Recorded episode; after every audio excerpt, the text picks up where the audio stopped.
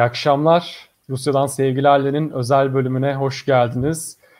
Geçtiğimiz hafta Rusya, ABD tabii ki karıştı. Biden'ın söylemleri, Putin'in cevabı, Amerika-Rusya ilişkileri, Çin bir taraftan, Avrupa Birliği diğer taraftan belki de 80'lerden beri görmediğimiz bir manzara ile karşı karşıyayız ve bütün bu süreci konuşmak üzere konuğumuz bu akşam Ceyda Karan gazeteci. Hoş geldiniz.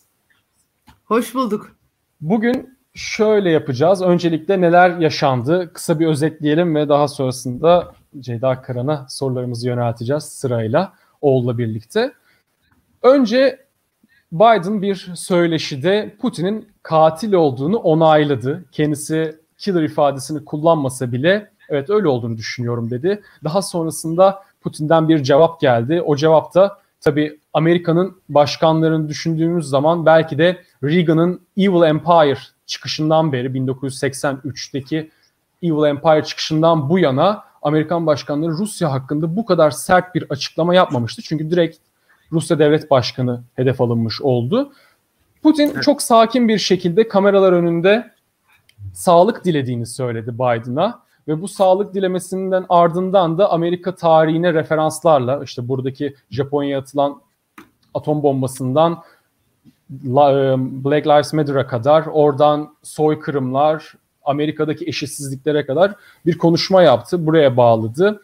Ve ilginçtir ki Biden ertesi gün e, uçağın merdivenlerini tırmanırken düştü ve Putin'e de şu atfedildi. Bir mistik güç yani sağlık diledikten hemen ertesi gün yaşanan bu süreçten sonra ve Amerika-Rusya ilişkileri de bu denli bozuldu. Öncelikle bunu şunu sormak istiyorum. Bu polemiği nasıl değerlendiriyorsunuz? Hem Biden'ın çıkışını hem Putin'in cevabını hem de uzun yıllardır yaşamadığımız bu söylemler biraz da çünkü sosyal medyanın çağında yaşadığımız zaman biraz Twitter kullanıcılarını andırıyor gibiler mi sizce?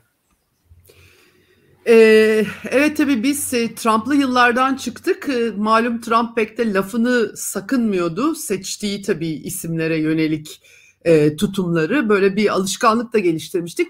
E, Trump'tan sonra Amerika'da Joe Biden yönetimiyle birlikte biraz daha seviyenin hakim olacağı beklentisi vardı. Daha e, diplomatik e, üsluba dikkat e, gösterme. Sonuçta tabii ülkeler arasında belli rekabetler, sıcak rekabetler olduğu da çok açık ama e, liderliklerin seçtiği üslup, üsluplar da önemli. Bu e, şiraze kaydı çok Trump döne, yönetimi döneminde. Hani espriyle karışık da kaydı belki ama çok e, hadsiz, yersiz bir takım e, durumlar ortaya çıktı. Şimdi o seviyenin biraz daha düzelmesi belki hatta hepimizin kafasında tabii Joe Biden başkan yardımcılığını da yürüttüğü için aslında çok da e, geçmişini bilen insanlar için e, beklememek belki gerekiyordu. Ben şahsen çok gafçı bir adam olduğunu geç öteden beri takip ettiğim için e, biliyorum. Ama e, insanlarda bir Obama dönemindeki e, daha e, seviyeli e, duruma gider mi ilişkiler diye bir beklenti oluştu. Fakat e, tabii bu söylem o beklentinin çok da karşılanmayacağını ve bence daha da e, hatta vahim bir biçimde bir de atılan adımlar e, da düşünüldüğü zaman çünkü Amerikan tarafından beklentiler büyük tabii Trump yıllarından sonra. Her herkesin beklentisi var. İran'ın da var, Venezuela'nın da var, Rusya'nın da var, Çin'in de var. Şimdi işte Trump Rusçu denildi adama ajan bile yaptılar ama adımlara baktığın zaman attığı at ya da atmak durumunda kaldığı belki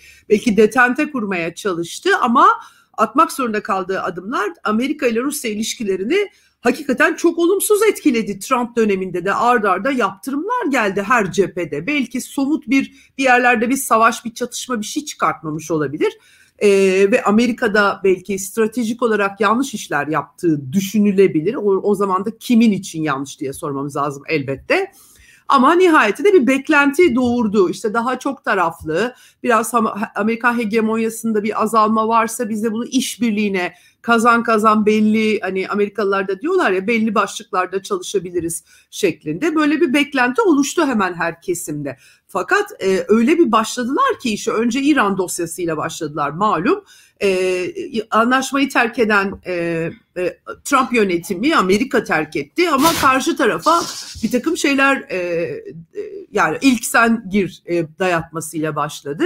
E, sonra e, işte e, Avrupa kanadıyla en büyük beklenti hala da o ama yavaş yavaş bir takım sıkıntılar oluşmuş oluyor. Yani bunlar e, zemine dair sıkıntılar ve Türkiye ile de aynı şekilde e, Amerikan tarafının istediği şekilde bu oyunun kurgulanması gerekiyor. Öyle görüyorlar onlar. A- ama karşılarında iki tane güç var. Bir tanesi bir şekilde e, toparlanmış, e, e, bir Sovyetler Birliği'nin mirasını taşıyan, e, kendi e, bulunduğu bölgede belli nüfus alanları tıpkı, Amerika'nın dünyanın her yerinde nüfus alanı gördüğü gibi en azından kendi topraklarının kenarlarında nüfus alanları gören bir Rusya ve aynı şekilde de Çin ki e, işte onda da Alaska'daki zirve hakikaten çok şok ediciydi. Perşembe gecesinden itibaren ben takip etmeye çalıştım.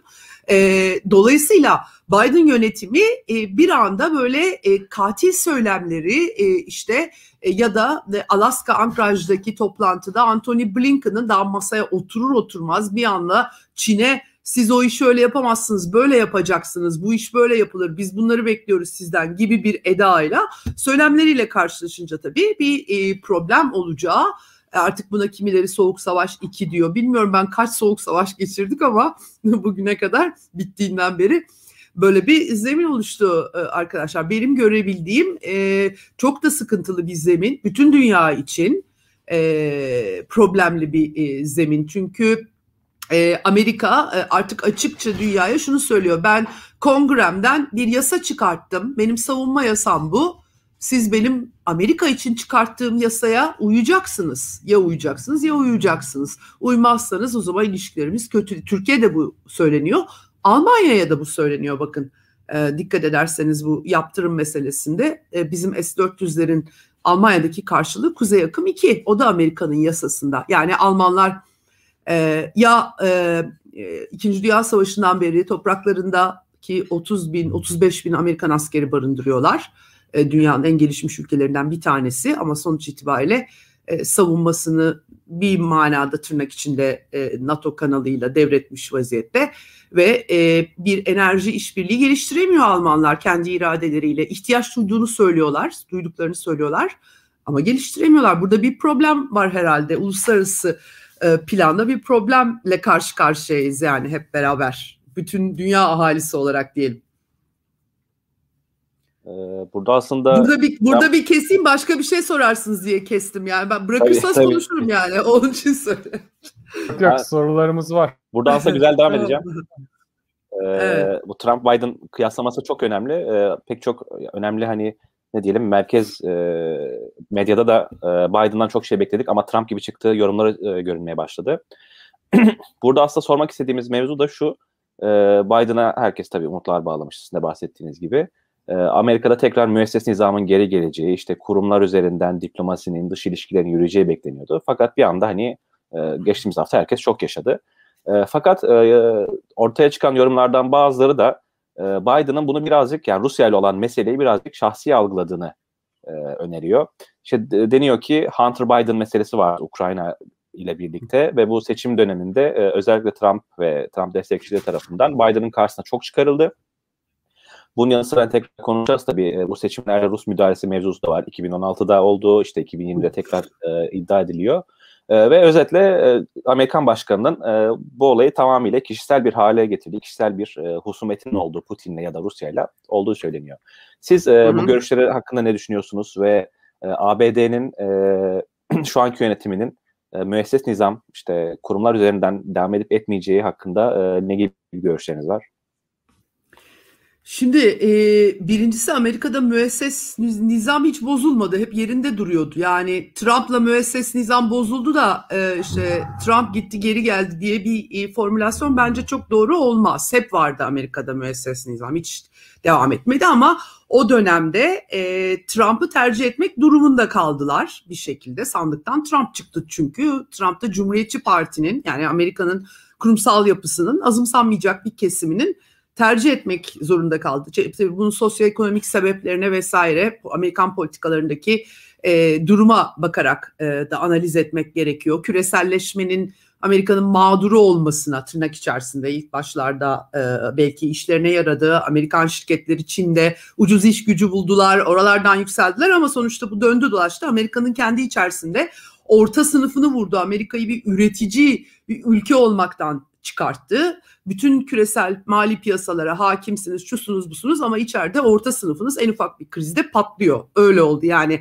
Trump e, bir tek başına bir Trump sebep değildi. Trump bir sonuçtu ve o sonuç üzerinden de 4 sene e, Trump'lı bir deneme tercih edilmek durumunda kaldı. Yine Amerikan sistemi içerisinde oldu. Dolayısıyla müesses nizam bir yere gitmedi. Hatırlarsınız bundan e, Trump'ın görev süresinden iki sene önce yanılmıyorsam iki sene tam tarihini unuttum ama e, New York Times gazetesine makaleler döşendiler şey diye biz Trump başkan ama biz ona başkanlık yaptırmıyoruz dediler. Biz etrafını saran danışmanlar onun politikalarını engelliyoruz dediler alenen. Kim engelledi peki? Aynı şey çekilme kararlarında e, söz konusu oldu e, Trump'ın e, Suriye ve Irak bağlamında ve Afganistan bağlamında birileri Trump'a başkanlık yaptırmadı. Yani Amerikan sisteminde başkan karar veriyor. Tabii ki denetleme mekanizmaları var. Çok da güçlü. Türkiye ile biz tabii ki hiçbir şekilde kıyaslayamayacağımız bir sistem var.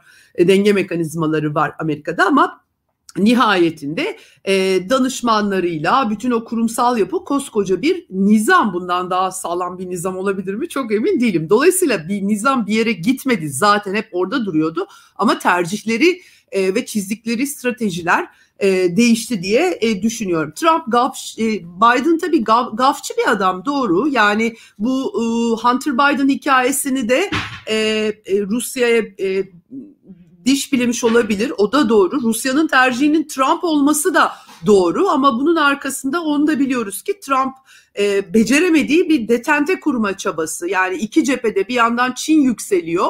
Pivot Asya politikasını Trump seçmedi. Obama döneminde başlamış. Çin'in yükselişi çünkü daha önceden başladığı için siz kalkıp iki tane biri nükleer silahlı öbürü e, ekonomik bir e, güç e, ve e, teknolojik bir güç ve yetişemiyorsunuz. Bu durumda e, yani Kissinger gibi adamların rivayet o ki Trump'a yani birisini dizginleyip öbürüyle iştigal et dedikleri yazıldı çizildi bunlar ki geçmişte de işte biliyorsunuz Deng döneminde de e, Sovyet-Çin ayrımlarından yararlanarak Çin'le e, ki bugünkü Çin mucizesi, mucizesinin temelini aslında döşeyen de bir anlamda yani tabii tırnak içinde söylüyorum Amerika'nın küreselleşme, neoliberal tercihleri, tabii ki Çin sistemi içerisinde filan. Şimdi e, bu Ukrayna meselesi tabii önemli. Hunter Biden Amerikan medyasında yeterince konuşulmadı bile. Laptop var ortada bakın. Bunlara kimse girmiyor. Oraları deşmiyorlar çünkü Amerika'daki medya müesses nizam ne kadarını tartışmak tartışmaları gerekiyorsa o kadarını tartışıyor. Çok yazıldı çizildi hatta Biden'ın kendisinin meşhur videosu vardır keyifle çıkar ve Ukrayna savcısını ne biçim kovdurdum ha ha ha ha der küfür ederek üstelik. Çünkü Ukrayna'da 2014 senesindeki meydan darbesini daha sonra Gürcü keskin nişancıların kiralanmasına uzanan bir türü e, rezaletler e, çıktı. Burizma e, enerji şirketi ve oğlunun o şirketten e, epey bir nemalandığı iddiaları var. Bugünden yarına Amerikalı muhalifler bu işleri o dönemde değiştiler. O laptop çok hazine bir laptop ama bunu ortaya serebilirler mi ben bilmiyorum. Bildiğim şey şu karşılaştırmalı okumalarımdan e, zaten o dosyada Hunter Biden dosyasında çok da temiz bir Biden yoktu ortada. Ama ana akım medyada bunun üzerine zaten çok da gitmedi. Gitmez gitmiş olsalar yani mesela Trump'ın üzerine gittikleri gibi Biden'ın e, kirli çamaşırların üzerine gitmiş olsalardı Amerika'daki atmosfer daha farklı olurdu. Bunu yapamazlar zaten. E, sınırları, çerçeveleri onların da belli. O kadar tabii ki pek çok şeyi tartışabiliyorlar. Biz Türkiye ile kıyaslamıyoruz ama orada da e, kırmızı çizgiler farklı bir yerde. Or oraları açtığınız zaman e, problem çıkıyor karşınıza. Aynı şey Çin'le de çok derinden ona bakarsanız e, Biden'ın ve oğlunun ilişkilerini bunları hep de muhalifler yazdı bakın yani orada da ana akım bunları o kadar yazamıyor. Bizde de nasıl Türkiye'de e, e, Batılıların neler döndüğünü tam anlayabilmeleri e, yandaş medyaya bakarak mümkün mü sizce? Değil. O zaman demek ki Türkiye'nin muhalif medyasına bakacaksınız. Gerçekten ne dolaplar döndüğünü, ne tartışmalar yapıldığını anlamak için. Amerika için de aynısı geçerli. New York Times'a bakıp anlayamazsınız. Onların muhaliflerine bakacaksınız ki e, karşılaştırmalı görebilmek için. Velhasıl e, yani e, o rapor ben baktım DNA raporuna e, E, gerçekten çok acayip bir rapor. E, gerçi e, ilk 2016'daki müdahalede de sıkıntılar vardı. Tabii temkinlilik payı bırakmak lazım. Bu siber meseleleri çok bilmiyoruz. Bütün devletler birbirlerine karşı bir mücadele veriyorlar elbette ama e, içerik itibariyle e, işte İran'ı, Venezuela'sı, işte efendim e, Küba'sı yani her şeyi bütün eteklerindeki taşları dökmüşler ve geriye e, e hiçbir şey kalmıyor. Çünkü kanıt yok somut. Artık dünyadaki en büyük problemimiz bu zaten. Kanıt zinciri diye bir şey kalmadı. Bitti. Kim neye inanıyorsa Amerikan istihbaratı diyor ki biz buna inanıyoruz kardeşim diyor. Algısı öyle. E peki kanıtın ne? E, kanıt olmasına gerek yok zaten. Laf dolandırılıyor. Yani aslında bizim memleketimizde yaşadığımız pek çok şey dünyada bu şekliyle yaşanıyor. Herkes algılar üzerinden e, kanaat geliştiriyor. Bilgiler, somut kanıtlar ve e, e, e, dediğim gibi kanıt zinciri üzerinden, neden sonuç ilişkileri üzerinden düşünen kimse yok. E, bu, bu da öyle bir vaka e, ama e, propaganda için herhalde en uygun e, olan da bu. Çünkü e, rasyonel akılla sorulacak sorulara e, somut bir şeyler e, yanıtlar vermek durumunda değilsiniz. E, öyle inanıyorsunuz. E, İranlılar e, Biden'ı tutmuş. Ay ne kadar şaşırtıcı bir şey yani. E, e, daha bir sene önce e, devlet görevlisine Bağdat'ta suikast düzenlediler. Efendim Venezuela'da e, çok Trump'tan hoşlanmıyormuş tabii. Çünkü darbeyle devirmeye çalıştı kaç kere yani. Ee, Rusya e, e, adamlar Ukrayna'da e, kriz çıkarttılar. Ba, bizzat Biden'ın operasyonudur Ukrayna operasyonu e, başkan yardımcısı iken. E, Victoria Nuland'ın telefon konuşmaları yansımıştı. E, İngilizcesini söyleyemeyeceğim. E, küfür e, bildiğimiz o meşhur F, F'li küfür Ukra, e, Avrupa Birliği diye. Çünkü Avrupalılar anlaşma yapıyorlardı Ukrayna'da. Anlaşmayı yaptılar, imzayı da attılar Ertesi sabah çöpe atıldı anlaşma. Büyük bir rezalettir Avrupa Birliği adına. Düşünün siz koskoca Avrupa Birliği Ukrayna'da tarafları uzlaştırıyorsunuz. Bir de üstüne üstlük altına imzanızı da çakıyorsunuz. Ertesi sabah çöpe gidiyor o anlaşma. Kim attırdı çöpe o anlaşmayı? O telefon konuşmasında var kimin attırdığı. Dolayısıyla hani kim kime ne yaptı oraları biraz karışık bence. Yani Biden'a birileri bir şey mi yaptı yoksa Biden birilerine bir şey mi yaptı diye sormak lazım tabii. Burada şunu belki söyleyebiliriz. Yani 2020 aslında 2020 yılı Rusya için iyi geçmedi. Kremlin yönetimi için de iyi geçmedi. Yani koronavirüsün başlangıcı, daha sonrasında petrol fiyatlarının dibe vurması, Rusya'da evet. özellikle Sibirya bölgesinin orta kısımlarında fabrika işçilerinin eylemler yapmaları, ekonomik eşitsizlikler, 2018'de evet. uygulanan yeni emeklilik reformu, emeklilik yaşının yükseltilmesi ve oradan çıkan mitingler, insanların mezarda mı emekli olacağız tartışmaları ve gerçekten de Putin'in oldukça güven kaybettiği bir sonucu yaratmıştı ve halk arasında evet. da Alexei Navalny mitingleriyle gördük ki insanlar sadece Navalny destek ya da işte liberal ya da farklı muhalif akımlara destek vermek için değil aynı zamanda kendi ceplerini düşündükleri için de sokağa çıkıyorlar. Farklı özgürlük taleplerini de dile getiriyorlar ve Rusya'da etkili eylemler yapıldı Ocak ayında. Ancak Biden'ın bu çıkışından sonra belki de ben şunu iddia edebilir miyiz veya tartışabilir miyiz? Amerika yönetimi stratejik bir hata mı yapıyor? Çünkü Putin'e katil demek veya Amerikan yönetiminin bu kadar sert müdahalelerde bulunması ister istemez Putin'e bir güven tazelenmesine yol açıyor. Yani bu Putin'e zarar veren bir durum değil. Çünkü Putin bu şek e, bu meseleleri bir anlamda kendi iç siyasetinin malzemesi yapıp insanları farklı şekilde mobilize etmek için kullanıyor. En son mesela Biden'ın düşme hikayesinden sonra işte Putin hafta sonu verdiği işte ben ne kadar güçlüyüm bakın işte trak, traktör diyorum özür dilerim. İşte bir tane Aynen. araçtan atla evet evet atlama videoları işte Putin'le alakalı yapılan işte sniper var Biden'ı vuruyormuş gibi yapılıyorlar ve Rus halkının buna hoşuna gidiyor. Belki Biden bunu hiç söylemese ya böyle bir çıkış yapmasa Putin'e daha çok zarar verebilirdi. Çünkü Putin'in zaten düşen bir reytingi var ister istemez. Yaşı da biraz daha geldi 70'e dayandığı için. Amerika stratejik bir hamle, yanlış bir hamle mi yapıyor bu konuda? Ee, Yani tabii Amerikalılara akıl öğretmek bize düşmez tabii ama e, Amerika'nın çok yıl, uzun yıllardır benim fikrimi sorarsan çok uzun yıllardır pek çok konuda yanlışlıklar e, yapıyor. Şimdi e, Rusya ile ilgili e, senin dediğin doğru elbette çünkü bütün ülkeler aslında patır patır patladılar pandemide.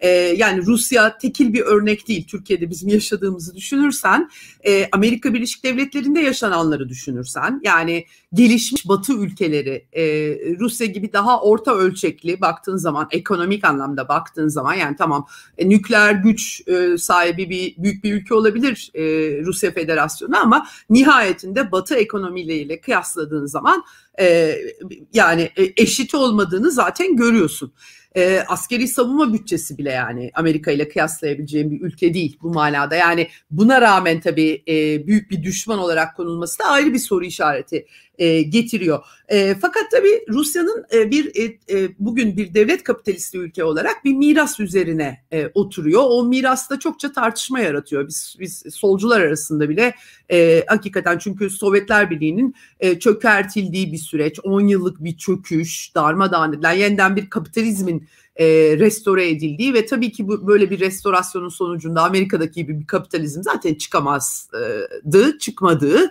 e, devlet e, mallı, kamu mallarını, halkın mülkiyetinin e, talan edildiği bir 10 yıllık sürecin sonunda toparlanma çabalarıyla geçen bir 20 sene var. Burada tabii hedefin ne olacağı, ne arandığı bunlar ayrı bir tartışma. Çok uzun Rusya'ya dair ayrı bir yayın yapmamız lazım bunları e, tartışabilmek için. Yayınımızın bağlanımı dışında ama e, şunu ihmal etmemek lazım. Öyle bir tane katil çıkışı, bilmem ne çıkışı böyle yüzeysel şeylerle bu işler e, yürütülecek gibi değil. E, dinamik ülkelerin, memleketlerin içerisindeki dinamiklere bakar. Bu sene seçim senesi e, Rusya'da, Rusya Federasyonu'nda.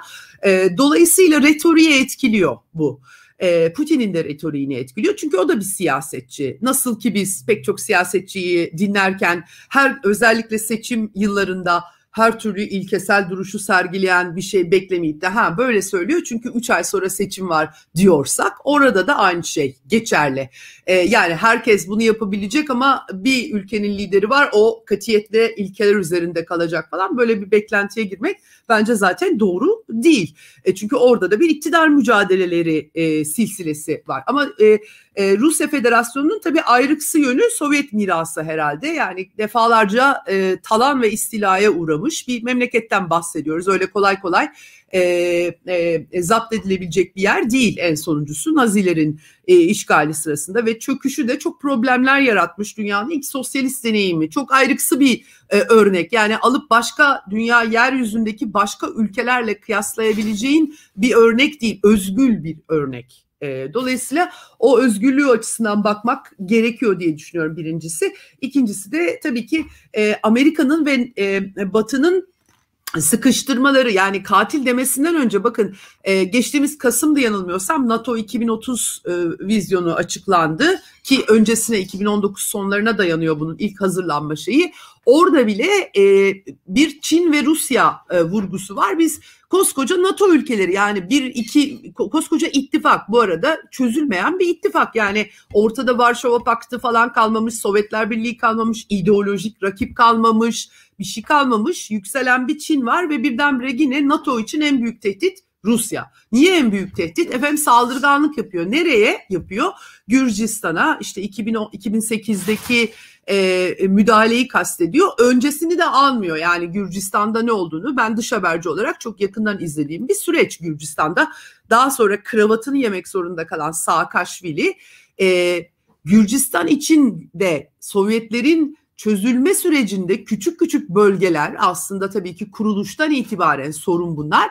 Osetya e, örneği ve Abhazya üzerinden oraları almaya kalkışmıştı Gürcistan.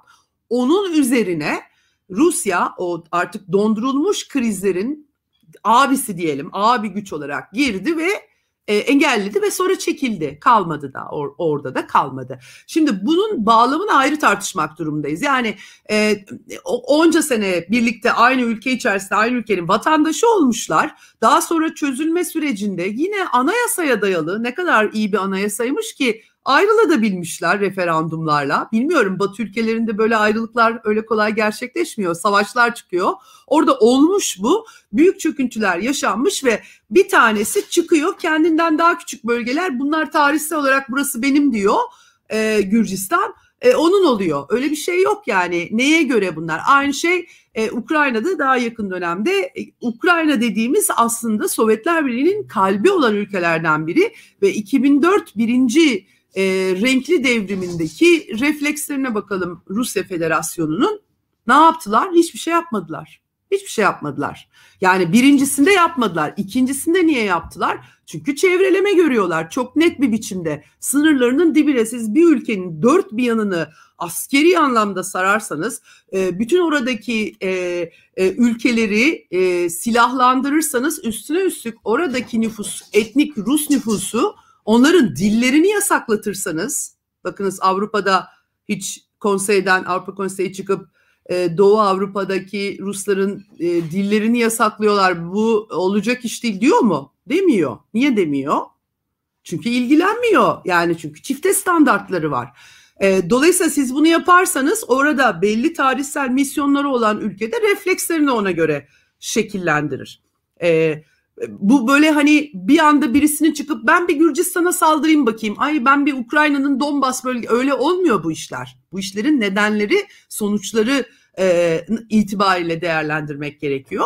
E, ve e, kendi içerisinde de o dosyaları bilmek ve anlamak gerekiyor.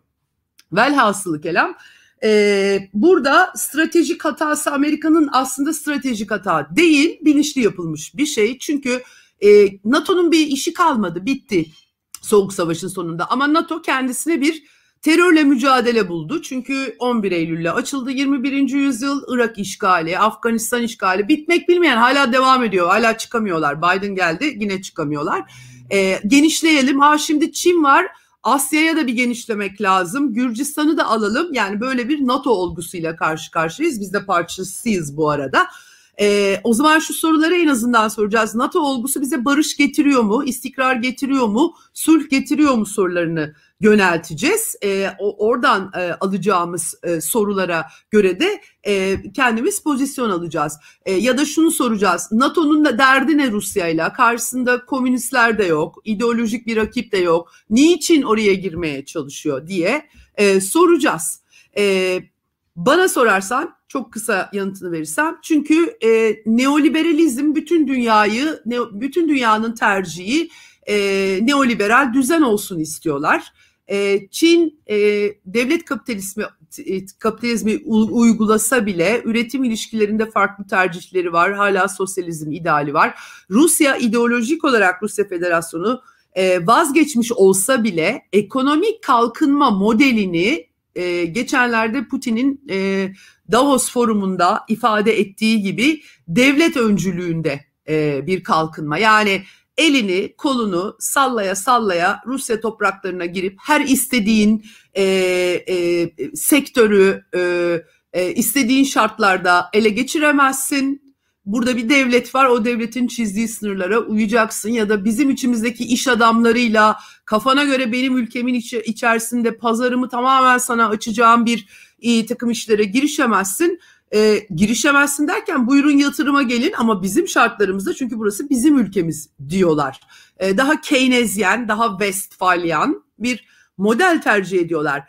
E, Batılılar ise daha küçük parçalar, özelleştirilme, özel her alanda özelleştirme efendim e, ve piyasalara istedikleri gibi girip çıkabilme istiyorlar. E, bunu deneyimledi Rusya Federasyonu 90'lı yıllarda e, kendi ülkesinin içerisinde e, eski bürokrasiden e, e, insanların daha sonra oligarşi bu şekilde doğdu. Şimdi aynısını onların her birinin Batı ile ilişkisi vardı ve var hala da var. E, o, o şekilde bir formülasyona yanaşmıyor. Bence buradan çıkıyor o problem. İşte şimdi Çin'in Avrupa ile yaptığı anlaşma, yatırım anlaşması piyasalarını daha fazla açmasına imkan tanıyor ama onların da sınırları olacaktır. Yani Batı'nın doğuyla tırnak içerisinde artık ideolojik olarak bizim farklı boyutlarıyla tartışmamız gereken bu doğuyla asıl derdi bana sorarsanız bu. E, bu olmayınca çeşitli ajandalar oradan çıkıyor. Genellikle insan hakları temelli oluyor ajandalar. Ee, biraz böyle bir sorun var. Zor tabii ki Rusya gibi orta ölçekli ama tarihsel misyonlar kendine biçen bir ülkede e, bu kadar büyük bir e, NATO e, şeyi görmesi karşısında e, ve e, içer içinde bulunan sorunlar tabii sorunlar da var. O sorunlar da sürekli kaşınacak bir yerlerden. Onları da e, düzgün tutması gerekiyor.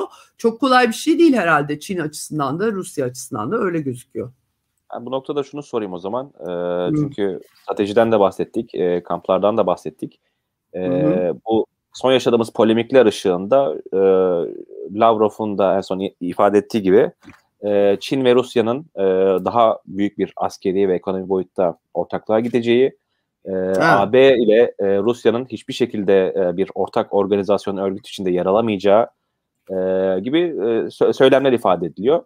Ve şimdi stratejik evet. açıdan bakarsak siz de bu Pasifik e, konusunda geçen bir yayın yapmıştınız. E, orada da hani sizin ve konunuzun ifade ettiği gibi e, Amerika'nın iki rakibi var. Biri ekonomik, biri askeri. İşte bunlar Çin ve Rusya. E, ve ikisi de aynı anda savaşması da mümkün değil. Fakat e, şu anki e, duruma bakacak olursak Biden yönetimi e, bu ikisiyle birlikte bir aynı anda angajmana e, girmeye çalışıyor.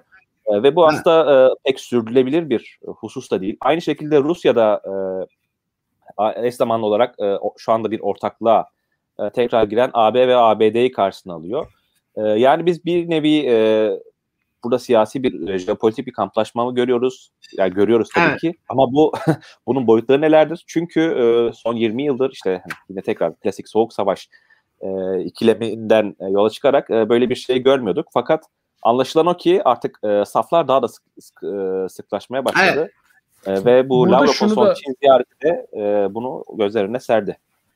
Burada belki şunu da söyleyebiliriz. Yani Amerika ile ABD'nin bir anlamda Rusya'ya e, saldırması aynı zamanda Rusya'nın da tek başına karşılık veremeyeceği anlamını taşıyor ve belki de Amerika ile Avrupa Birliği biraz da Rusya'yı Çin'in kucağına atıyor mu? Çünkü Çin'le Rusya anlaşmaları özellikle ticari anlaşmalar çok yüksek ve biraz daha dengeli bir ilişkiden söz etmiyoruz. Mesela Çin'in birçok Rus doğal kaynağını işte başta kereste olmak üzere bir takım madenler olmak üzere artık sömürme derecesinde çok büyük ticari anlaşmalarla aldığını biliyoruz. Rusya'nın en fazla ihracat yaptığı ülkenin belli alanlarda Çin olduğunu biliyoruz ve Amerika ile Avrupa Birliği'nin biraz daha Rusya'yı doğuya itmesi, Çin'e itmesi Rusya için ne demek, Amerika için ne demek bunu da tartışabiliriz. Çünkü Levada'nın işte Rusya'nın bağımsız araştırma kuruluşlarından bir tanesinin geçtiğimiz günlerde yayınladığı çalışmaya göre şunu da biliyoruz ki Rus halkı gittikçe kendisini daha az Avrupalı hissediyor. Biraz daha artık doğulu hissediyor. %29 Avrupalı hissediyor kendisini. Bu da ayrı bir tartışmayı belki yaratabilir. Evet.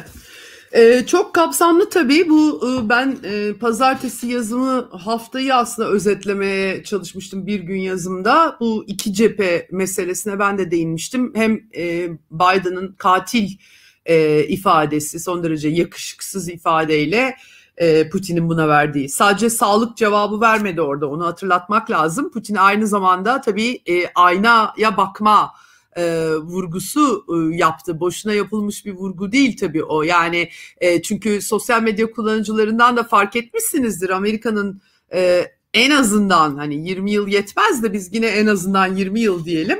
E, pek çok ülkede Amerikan müdahalesine uğramış ülkelerde e, e, durum vahim. O zaman kim kime katil diyecek gibi bir sadece Black Lives Matter falan filan oralara girmedi belki Putin ama e, pek çok insanın tepkisi bu oldu. E, çünkü ömrümüzün 20 yılı Amerikan müdahaleleriyle geçti hepimizin biliyorsunuz. Ee, Irak, Afganistan sadece onlar da değil en son Suriye, örtülü müdahaleler vesaire. Şimdi e, bu iki cephe meselesinde benim görebildiğim kadarıyla Amerika Birleşik Devletleri bir kere Joe Biden baştan beri ortaklık vurgusu yapıyor. Önce bir çok taraflılık dediler ama o çok taraflılığın aslında ortaklarla ilişki olduğu kısa sürede anlaşıldı. Transatlantik bağlarını sağlamlaştırmak Avrupa e, Birliği e, ve Amerika Birleşik Devletleri arasında Asya'da da Quad dedikleri o dörtlü grup E, Amerika, e, işte Japonya, Avustralya ve Hindistan'dan oluşuyor. E, bu şimdi doğal olarak tabii e, bu, bunları bunlarla bir ortaklıkla aslında Rusya ve Çin'in üzerine e, gitme e, bir hem askeri anlamda hem ekonomik anlamda hem siyasi anlamda artık hayatın her alanını ilgilendirecek şekilde büyük nüfus baskısı oluşturmak e, Çin'in komşularına kuşak yola karşı aynı şekilde Avrasya Ekonomik Birliği ki henüz tam olarak da e, bir bir uygulanmıyor. Bu arada mali e, anlamda bütün silahlar Amerika'nın elinde çünkü mali sistemi Amerika kontrol ediyor. Aslında çok zayıfladı o anlamda Amerika ama e, problemli bakın 1.9 trilyon dolarlık Covid paketleri açıldı. Şimdi 3 trilyon dolarlık altyapı çünkü çürüdü Amerika'nın altyapısı orada. Yani e, bir, bir çok ciddi sıkıntıları var bu işin Amerika cephesinde. E, ama onlar için de şöyle bir şey tabii yani dış e, dışarıdan sürekli nasıl bizim Türkiye'de oluyor? E, dış düşmanlar bize saldıracak şimdi. Çok tehlike var falan. Hani Amerika'da da aynısı aslında Joe Biden de öyle diyor. Bakın seçimlerimize müdahale ediyorlar. Bize Amerikan toprakları hayatında hiç işgal diye bir şey görmemiş Rusya'nın aksine bu arada ya da Sovyet coğrafyasının aksine. Böyle yapıyorlar. Bir yandan da bu ortaklıkla üzerine gitme. Arkasını tam olarak sağlama almış gibi gözükmüyor açıkçası. Ben e, tabii nereye bağlanır bilmiyoruz. Bir temkin payı bırakalım. E, çünkü Avrupa'da şöyle bir lükse alışmış durumda 2. Dünya Savaşı'ndan sonra. İşte NATO kuruldu. Bunlar zaten bizi koruyorlar. E, biz ekonomik kalkınmamızla uğraşalım. E, işte olabildiğince az da para verelim falan e, tarzında ki Trump döneminde o da patladı. Yani hepimiz Trump'ı çok eleştiriyoruz ama Trump'ın dediği de doğru. Amerikalılar artık çok da kendilerine bir nüfus ve e, e, ekonomik e, fayda sağlamayan bir ilişki biçimi için sürekli olarak kendileri çünkü onun üzerinden yayılıyorlar ama e, çok da faydasını göremiyorlar. Alman otomotivleri, otomobilleri vızır vızır gümrüksüz Amerika'da satıyor. Bu arada Amerikan otomobil sanayi pörtlemiş vaziyette. Yani e, dolayısıyla Trump'ın aslında e, Trump'ın söylemlerinde de baktığın zaman haklılık payları da e, vardı. E, şimdi e, bu kuzey akım iki üzerinden Almanya'nın üzerine gidiyorlar. E, tekrardan çeki düzen vermeye çalışıyorlar. Aynı Türkiye'de olduğu gibi, bu arada çok özür diliyorum, kediler kovalamacı oynuyorlar. Umarım devirmezler bir şeyi. E, aynı Türkiye'ye yaptıkları gibi e, yasal çerçeveleri uyarınca diyorlar ki bu kuzey akım yüzde 95'i bitti. E, Almanya diyor ki ben enerji kaynaklarımı e, çeşitlendirmek durumundayım. Çünkü kömürden ve nükleerden vazgeçtim. Dolayısıyla alternatif kaynaklar devreye girinceye kadar benim doğal gaza ihtiyacım var ve ta bilmem kaç milyon Amerikan LNG'siyle uğraşamam diyor adamlar. Yani sanayileşmiş bir ülke. Doğal olarak da hemen burnunun dibindeki Rusya'dan ucuza e, böyle bir boru hattıyla doğal gaz almak istiyorlar. Yani bundan daha normal bir şey normal koşullarda olmaması gerekiyor. Ama Amerika eski Trump dönemindeki işte Amerikan Büyükelçisi'nin hatırlayacaksınız Alman sanayine e, son derece bozuldular adamlar. Çünkü basbayağı müstemleke muamelesi yaptı adam Almanya'ya. Siz buna karar veremezsiniz, bunu yapmayacaksınız diye e, ilanlar bilmem ne falan vermek zorunda kaldı Alman sanayiciler. E, böyle muamele ettiler. E, koskoca Almanya'dan bahsediyoruz bu arada. Yani bir üçüncü dünya ülkesinden de bahsetmiyoruz. Ve e, şimdi bir takım eyalet başkanları Soder bu e, CDU'nun e, başkanı olabilme potansiyeli olan taşı, e, potansiyeli taşıyan hala lider falan bunlar e, söyleniyorlar tabii. Ne olacak bilmiyoruz ama yaptırımları devreye sokabilirler. Yani biz ay S-400 aldık şimdi eyvah e, hafif yaptırımları koydular. Daha beterlerini koyacaklar ne yapacağız diye düşünüyoruz. E, peki Almanya ne yapacak? Yani e, hakikaten olacak şey değil. Aynı aynı durumda ben yazmıştım bir e, Katsa e, muhabbetleriyle ilgili olarak birkaç e, ay önce. E, arkalarını tam sağlama almış değiller Amerikalılar burada. Aynı şekilde Hindistan'da. Hindistan S-400, e, S-400 füze sistemleri almak istiyor Rusya'dan. Ve e, Lloyd Austin savunma bakanı biliyorsunuz bu en son Kuat turunda Hindistan'a da gitti ve açıkça onlara da söylediler almayacaksınız diye. E, şimdi tabii bu, bu ülkeler boyun eğiği olabilirler ama e, ortada problemler de eksik değil Amerika için. E, birincisi işte Macron'un meşhur beyin ölümü gibi saptamaları, o dönemde Merkel'in e, Avrupa'nın bir şekilde bu savunma gücünü özelleştirmesi gerektiği, yani bugün olmasa yarın, yarın olmasa öbür gün ama bu yolda adım atması gerektiği. Çünkü şunu bilmiyorlar. Tamam şimdi Biden var. E, üç sene sonra kim gelecek Amerika'da başkan olacak? Onu bilmiyorlar. Yani Trump deneyimi öyle diyeyim. E, Biden yönetiminin işi şundan zor e, transatlantik bağını kurdular. 2030 stratejisini de kabul ettirdiler. O, onun içerisinde başka hususlar da var bu arada 2030 hikayesinde. E, ama tamam güzel ama e, 2000 e, işte 2024 2024'te ya ikinci bir Trump gelirse ya duble Trump gelirse ne olacak? Bunu çok e, bilmiyor Avrupalılar. Dolayısıyla e, bu iki cephede birden mücadeleye girişirken ortaklıkları e, tutmaya çalışıyor Amerikan stratejisi. Fakat oralarda patlaklar var ve e, buradan nasıl çıkacaklarını bilmiyorum. Ben yazımda da e, aktarmıştım e, bu Fransız e, Fransızların Circle the Reflect Fransızcasını da telaffuz edemiyorum ama Circle the Reflection in Inter Armies diye bir subayların toplaştığı bir kuruluşu var. Onlar e, bir mektup yayınladılar. Fransızca medyada kaldı bu. Nedense İngilizce medyaya dikkatimi çekmedi yani en azından ben görmedim. Düşmedi ama onlar diyorlar ki çılgın treni geç olmadan durdurmalıyız. Kurgusal bir Rusya ve Çin tehdidi çıkartarak e, bizi ateşe atıyorlar diyor Avrupalılar. Haklılar çünkü Trump bu arada e, Soğuk Savaş mimarisinin kilit önemdeki anlaşmalarından çekildi. E, Doğu Avrupa'ya sürekli olarak silah yığılıyor. E, bir de INF örneğin yani hadi startı attılar şimdi bir dondurdular ettiler müzakere edecekler ama orta menzilli nükleer füzeler e, anlaşması hala boşlukta Trump çıktı. Yani Avrupa'yı bir nükleer tehdidin altında bırakacak e, bir e, tehdit içeriyor bu gelişmeler, bu kadar krizin e, yükseltilmesi. E, ekonomik olarak Almanya motor ülkesi diyelim AB'nin Rusya ile belli şeyleri dengelemek durumunda ama dengeleyemiyor. İtalya aynı şekilde. Bu arada pandemi dağıttı bu ülkeleri. Bakın bu da çok önemli. Biz pandemi koşullarında takır takır devlet müdahaleleri görüyoruz. Takır takır e, Avrupa ülkelerinin neoliberal e, ekonomi uygulayan ülkelerin mecbur kalarak nüfuslarına para yardımı yaptıklarını görüyoruz. Amerika'da da öyle. E, Putin de Davos'ta diyor ki devlet müdahalesi şart. Yani siz zaten adamın dediğini yapmak durumunda kalıyorsunuz. Sizin neoliberal modeliniz böylesine büyük bir halk sağlığı krizinde işlemiyor. Yapamıyorsunuz. Yani tartışılacak o kadar çok şey var ki burada. Biz oysa savaşa doğru koşuyoruz. Çevrelemeye doğru koşuyoruz. Hepsi bizi ilgilendiriyor. Dünya vatandaşları olarak diyeyim. Hele Türkiye gibi böyle bir sıkışmışlık içerisindeki bir ülkede e, takım tutar gibi e, Rusyacı mı olayım, Amerikancı mı olayım, Avrupacı mı olayım gibi bir takım perspektifler konuluyor ortaya. Ben hayretler içerisinde kalıyorum. E, bu açık açık sava, savaşa doğru koşuş tabii ki bir yerlerde durdurulabilir ama e, bu hallere döküldü. E, son olarak belki şunu söyleyebilirim.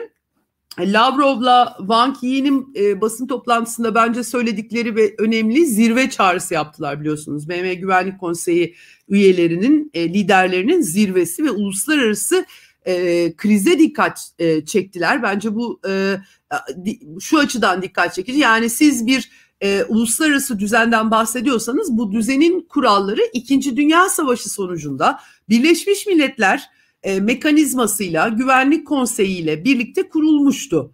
E, bu tabii ki Westfalyan bir modeldir. Yani siz ülkelerin iç işlerine ben senin böyle yapmanı istiyorum, böyle bir lider seçmeni istiyorum, senin insan hakların şöyledir de böyledir de diye karışma hakkı vermiyor bu sistem. R2P gibi, responsibility to protect gibi bir takım kavramlar e, e, aslında Doğu bloğunun çözülmesiyle ortalığa saçıldı etti ama bunlar hiçbir zaman bir uluslararası yasa halini de almadı biliyorsunuz. Yani şu anki bütün müdahalelerin uluslararası yasal çerçevede bir ayakları boşta. Yani uluslararası yasayı çünkü Batılılar diyorlar ki bizim kurallarımız geçerli. Bizim e, beğendiğimiz gibi e, yapacaksınız. E, o zaman problem çıkıyor tabii. Yani çünkü her ülkenin çıkarı bir öbürüyle e, uymuyor ya da blokların çıkarı. E, oradan ne çıkar? Oradan savaş çıkar. Yani siz e, e, belli noktalarda geri adım atmayıp da kendi e, içeride çıkarttığınız yasayı başka ülkelere dayattığınız zaman e, ya da ülkelere dayattığınız zaman e, oradan arıza çıkar başka bir şey çıkmaz yani. E, o yüzden e, hakikaten e, ben e, tehlikeli bir yere gittiğimizi düşünüyorum dünya ahalisi olarak diyeyim. Yani öyle Türkiye ahalisi olarak. O zaman finali biraz daha nereye gidiyoruz açarak yapalım hep beraber. Eyvah. Ee, şimdi e, bu NATO'nun 2030 planından da bahsettik. Aynı şekilde Hı-hı. geçtiğimiz hafta İngiltere'de bir e, güvenlik Hı. raporu yayınladı ve orada Rusya'yı hani kendisi için en büyük tehdit olarak e, algıladığını e, söyleyen ifadeler evet. yer aldı. Bununla birlikte ikinci bir cephe yine ABD'ye dönüyoruz tabii. E, Prigojin meselesi var. E, Prigojin e, Putin'in aşçısı ya da işte şefi olarak bilinen e, fakat Wagner grubunun arkasında olduğu e, yazıp çizilen kişi. E, üç hafta önce FBI e, Prigojin'in başına 250 bin dolarlık bir ödül koydu. E, dün de öğrendik ki Prigojin bu sefer e, Rus e, soruşturma e, Rusya'daki soruşturma komitelerine e, FBI'ın kendisi hakkındaki soruşturmalarını soruşturma talebinde bulunmuş. Yani e, benim şimdi Deniz'le beraber tamamlayacağız bu soruyu. İlk çerçevem e, e, istihbari olarak e, bu yine soğuk savaş şeyinden çıkamıyoruz hiçbir zaman. e, istihbari olarak e, İngiltere ve ABD arasında bir tür e, çünkü İngiltere'de artık Brexit e, post Brexit e, İngiltere'sinden söz ediyoruz. E, Bunlar arasında bir tür e, birliktelik mümkün mü? E, burada Deniz'e devredeyim.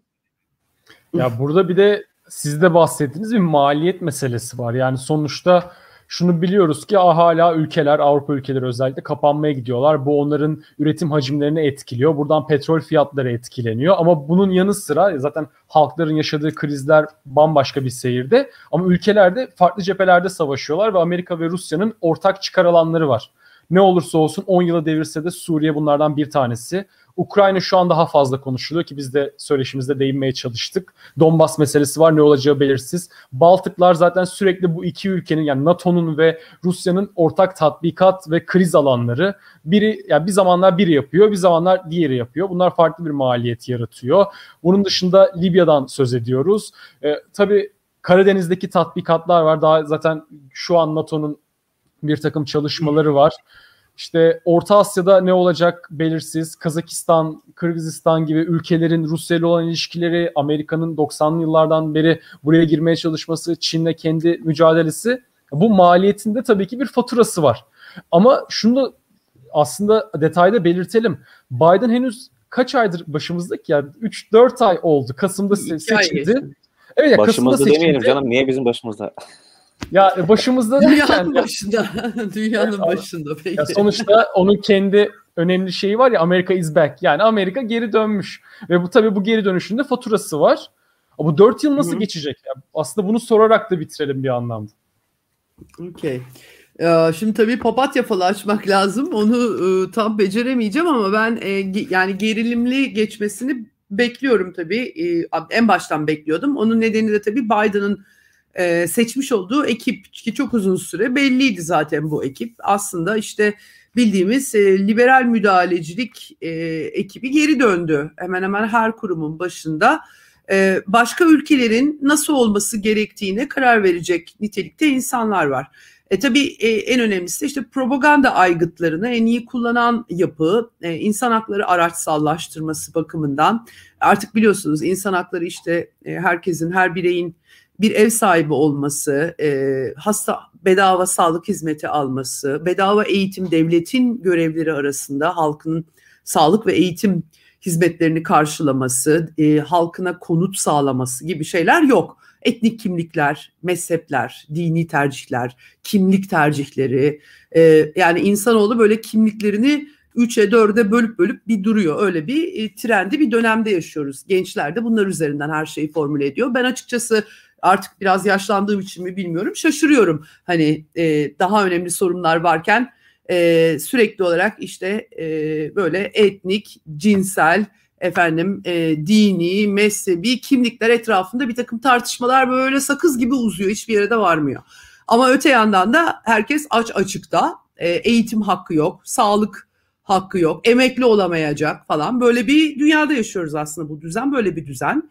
E, ancak birileri yırtıyor aradan falan filan. Yani içinde yaşadığımız düzen kötü bir düzen ama o, o düzeni tartışamadığımız için çeşitli kavramlar geliştiriyoruz. Demokrasi, otokrasi falan diyoruz mesela. Sosyoekonomik sistem peki yani nasıl oluyor böyle filan çok fazla sormuyoruz. Öyle basit kavramlaştırmalar üzerinden e, izah etmeye e, çalışıyoruz. Şimdi kötü bir yere gidiyoruz bu bağ, ma, bağlamda bana sorarsanız. Çünkü ideolojik olarak e, neyin nerede olduğunu çok fazla tartışmıyoruz. Daha çok görüntüler üzerinden böyle top çeviriyoruz, top oynuyoruz. E, bu e, bağlamda da iyi bir yere gitmiyoruz. Bu Suriye, Ukrayna, Baltıklar, Libya dosyalarında ben herhangi bir çözüm zaten öngörmüyorum bu dört yıl içerisinde. Büyük mücadele aslında başladı artık. Yani terörle mücadele bitti. E, yani 30 senelik dış haberciyim öyle söyleyeyim. E, NATO'nun bir sürü halini, dönemini, bir sürü savaşı ta Bosna Savaşı'ndan itibaren e, e, gördüm. Yani e, işte Donbas'taki kömür gravini de gördüm. Ondan sonra Gürcistan renkli devrimini, bütün o Sovyet eski Sovyet coğrafyasında pıta, pıtrak gibi patlayan renkli devrimleri, birinci turuncu devrimi, Gürcistan müdahalesini, 11 Eylül'ü, Afganistan ve Irak işgallerini yani böyle koca koca dönemler gözümüz önünde haberleştirmekle uğraştık ve e, geldiğimiz noktada e, 20. yüzyılın ilk 20 yılında da işte terörlük bir terör mefhumunun üzerinde dünya tepindi tepindi daha çok terör üredi her yerden bu arada. Hiçbir yer e, Biden'ın ekibinin iyi niyetli çabalarına rağmen e, o iyi niyetli çabaların coğrafyalarından daha beter sonuçlar çıktı. İnsan hakları daha çok ihlal edildi. Demokrasi asla oralara uğramamaya başladı. Hatta barbarlık, kölecilik falan çıktı hep oralardan. Özellikle Arap coğrafyalarındaki bütün müdahaleler 180 derece tersi sonuç verdi. Gerçi Yugoslavya'nın parçalanmasından bu yana öyle sonuç veriyor. Çünkü neden? Hep etnik kimlikler, hep mezhebi kimlikler. Yani Güney Slavlarının ülkesi Yugoslavya e, efendim Ortodoks mu, Katolik mi, Müslüman mı diye ayrılıyor kendi içinde. Öyle bunlar tetiklendi. Böyle sarmal halinde gitti. E, şimdi de bütün bunlar böyle biraz daha geri plana itiliyor. Onun yerine büyük güç mücadelesi Rusya ve Çin. Bu açıkça şeyde var, raporda var. NATO 2030 raporu. Üstelik de bir de tabii konsensus aramamaya çalışıyorlar biliyorsunuz. Türkiye'yi yakından ilgilendiren kısmı da belki en fazla o. Bütün NATO üyelerinin konsensusla karar vermesi yerine daha böyle bir hızlandırıcı bir takım mekanizmalar, hızlı hareket etmek için. Neye hızlı hareket edecekler? Nerede ne gerekiyor da hızlı hareket edecekler? Onu tam olarak bilemiyoruz tabii. Göreceğiz beraber. Dolayısıyla bir kez daha aynı yere geliyoruz iyi bir yere gitmiyor dünya e, hakikaten. Bu Brexit e, sonucu Avrupa Birliği bir kez daha sarsıldı ama Avrupa Birliği Avrupa Anayasası gömüldüğünde 2000'lerin başında sarsılmıştı aslına bakarsanız. Bütün e, Avrupa'nın bütün sembolleriyle birlikte o anayasasını gömdüler ve sonra daha gevşek bir birliğe yöneldiler. Baştan zaten o proje neoliberal projeydi. Dolayısıyla o tarz bir Avrupa Birliği ve ruhu işte bir Avrupa Parlamentosu'nu biraz güçlendirdiler filan tabii böyle yasamada daha etkili oldu ama o ulusüstü bir e, projeydi. E, son 20 senede e, yani çok da dertlere deva olamadığını da anlıyoruz. Nitekim Brexit oldu. Şimdi Frexit'i falan da tartışacaklar. Çok iyi bir yere gitmiyor Avrupa projesi de bana sorarsanız. Ben Brexit projesinin sonucunu bu kadar öngörmemiştim ama zaten Avrupa'nın Britanya tipi bir modelle devam edeceğini düşünmüştüm 2000'lerin başlarında. Sonunda Britanya çıktı Avrupa'dan. Ee, çıksa da belli ilişkileri tabii ki sürdürecektir. Çünkü ticaret ortaklığı var. Ee, Amerika ile evet yani tabii MI6 ile CIA'nin e, ortak olduğunu düşünebiliriz çok rahatlıkla bana sorarsanız. Ee, Suriye projesinde e, biliyorsunuz onların açtığı NGO ihaleleri vardı. NGO sektörü, endüstrisi diye bir şey de oluştu bu. İnsani müdahalecilik böyle bir şey zaten. Sektör oluşuyor. İhale alıyorlar yani böyle devletten. E, toplumları dönüştürme ihalesi alıyorlar. Suriye projesinde bunlar saçılmıştı ortaya. E, orada MI6 da herhalde Britanya'da e, ben de onların muhaliflerinin yalancısıyım yani. Bu belgelere de baktım tabii ki. Çünkü sızdı bu belgeler, kendi e, belgeleri. Yalanlamadılar da. E, e, tabii yani e, Amerika ile birlikte çalışıyorlar. Zaten öyle çalıştılar. Suriye savaşı başından beri böyle bir şey zaten önceden e, düşünülmüş bir şey tabii ki. E, genellikle işte içerideki sivil toplumu geliştirelim biz. Orada sivil toplum kuruluşları faaliyet görsün. Batı'yı seven, e, liberalizmi seven, neoliberalizmi, serbest girişimciliği seven gençler olsun. Onlara dil öğretelim işte falan. Öyle çalışır zaten bu. Rusya'da da muhtemelen öyle çalışıyordur. E, çok bir fark oldu. Zaten biliyorsunuz Navalny'nin de geçmişinde var yine e, benzer şeyler. Yani içerideki siyasi muhalefeti şekillendirme gibi e, hikayelerde her zaman etkili olmuştur. İngilizler de bu işi çok iyi becerirler e, bir şekilde. İşte beyaz miğferler dediğimiz MI6'nın biliyorsunuz kurduğu bir yapıydı zaten. E, yaparlar yani bu normal bir şeydir. Böyle çalışıyor zaten bu iş artık. E, uzun süredir böyle çalışıyor. Dolayısıyla Rusya için de aynı şeyi yapacaklardır. Bunun karşında Çin için de aynı şekilde. E, karşı taraf daha fazla kapanabilir herhalde. Evet bunun getir e, sonuçları da öyle bir şey oluyor tabii. E, o da e, çünkü devlet dediğimiz şey e, bir organizasyon bürokrasisiyle bir orga sizin e, devleti yıktığınız zaman da geride hiçbir şey kalmıyor. Irak'taki gibi biliyorsunuz tamamen ortadan devlet kalktı. Her şey yıkıldı, çöktü. Dolayısıyla e, devletin yıkılmaması için bir yerleri tutmaya çalışıyor karşı tarafta. E, tümüyle çünkü yani bilemiyorum mesela İngiliz devletini yıkmaya çalışsa birileri acaba nasıl refleks gösterirler diye falan düşünüyorum. Hep şey gelmiştir aklıma benim. Washington DC'nin mesela beş tane mahallesine silahlarla Halep'te olduğu gibi doğrudan isyan etmiyor bunlar deyip ağır silahlarla inseler mesela FBI ne yapardı diye hep uzun süre düşünmüşümdür işin doğrusu. E, genelde bizim coğrafyalarda böyle e, ağır silahlarla desteklenen muhalifler iniyor ama hani orada olsa oradaki devletin zor aygıtları nasıl kullandığını da görebiliriz. Aslında küçük örnekleri var ama hani e, oradan yola çıkarak düşünmekte fayda var. Sistem iyi işliyor mu bilmiyoruz tartışıyorlar. Amerika'da da seçim sistemimiz çok berbat diyor Amerikalılar. Değiştirmesi lazım diyorlar. E, posta ile oy kullanma gibi bir şey çıkarttılar. Çok tartışmalı başkan seçimi oldu. 3 Kasım'da diyemiyoruz ki 3 Kasım'da yaptılar mı? Aslında daha önce de yapmışlardı. E, batı'da çok ciddi sıkıntılar var. Kendi sorunlarını çok da tartışmak istemeyen bir Batı var. Benim görüşüm bu. Onun yerine böyle e, kendilerine mutlak iyilik bah, e, bahşedip e, karşı tarafı da mutlak kötü olarak e, gösterme gibi bir e, tavır takındıklarını düşünüyorum açıkçası. Bütün kamuoyuyla, medyasıyla. Ee, çok fazla da yalan söylendiğini düşünüyorum. Benim izlenimim bu ve o yalanlar çok çabuk pat, patlıyor artık sosyal medya çağında. Ee, kötü bir yere gidiyoruz, iyi bir yere gitmiyoruz. Yani burada e, Rusya ve Çin de sütten çıkmış ak kaşık elbette ki değil ama onlar e, en azından bu kadar çok yalan kıvırmacalara başvurmuyorlar. Genel itibariyle neyseler onlar şeklinde görüyoruz onları e, karışamazsınız diyorlar. Burada da Lavrov'la Wang Yi'nin basın toplantısında da aşağı yukarı bunu gördük. Uluslararası sistem budur. Siz kafanıza göre uluslararası hukuk diye kendi kurguladığınız kuralları başka ülkelere dayatamazsınız. Çünkü e, bizim de kendi toplumumuz, siyasi kültürümüz e, var. O kültür içerisinde biz de bir şeyleri şekillendiriyoruz. E, bu kadar da karışamazsınız e, dediler. Evet Bakalım bu kapışmadan ne çıkacak? Çok şey kullanılacak. Bu Sincan'daki pamukçuluk, tekstil sektörünün e, süper hızla çok rahatsız etmiş bu arada benim anladığım İngilizleri bu. E, oradan soykırımlar çıkıyor. Başka toplama kampları çıkıyor. E, dikkat ol, dik, benim belki son şunu söyleyeyim. Biraz dikkat etmek lazım. E, çünkü biz geçmişte çok fazla propaganda ve bombardımana tutulduk. Her şeye soru sormak lazım. Hiçbir şeye inanmamak lazım mutlaka karşı tezlerini aramak, bakmak, karşılaştırmak öyle karar vermek lazım. Bu kapışmada çünkü çok kirli bir savaş olacak, mücadele olacak savaş derken tırnak içerisinde propaganda savaşı. Dolayısıyla e, hiçbir şeye e, ben zaten böyle düşünüyorum, benim algılarıma bu uyuyor diyerek bakmamak, her şeye en az 10 tane soru sormak lazım. Bir cümle kuruluyorsa o bir cümleden 10 soru çıkartmak, onlara yanıt aramak gerekiyor. E, bu da neden diyeceksiniz? Hiç ne uğraşıyorsun diyeceksiniz. E, eğer gerçekten ne olup bittiğini anlamak istiyorsan yapılması gereken bence bu.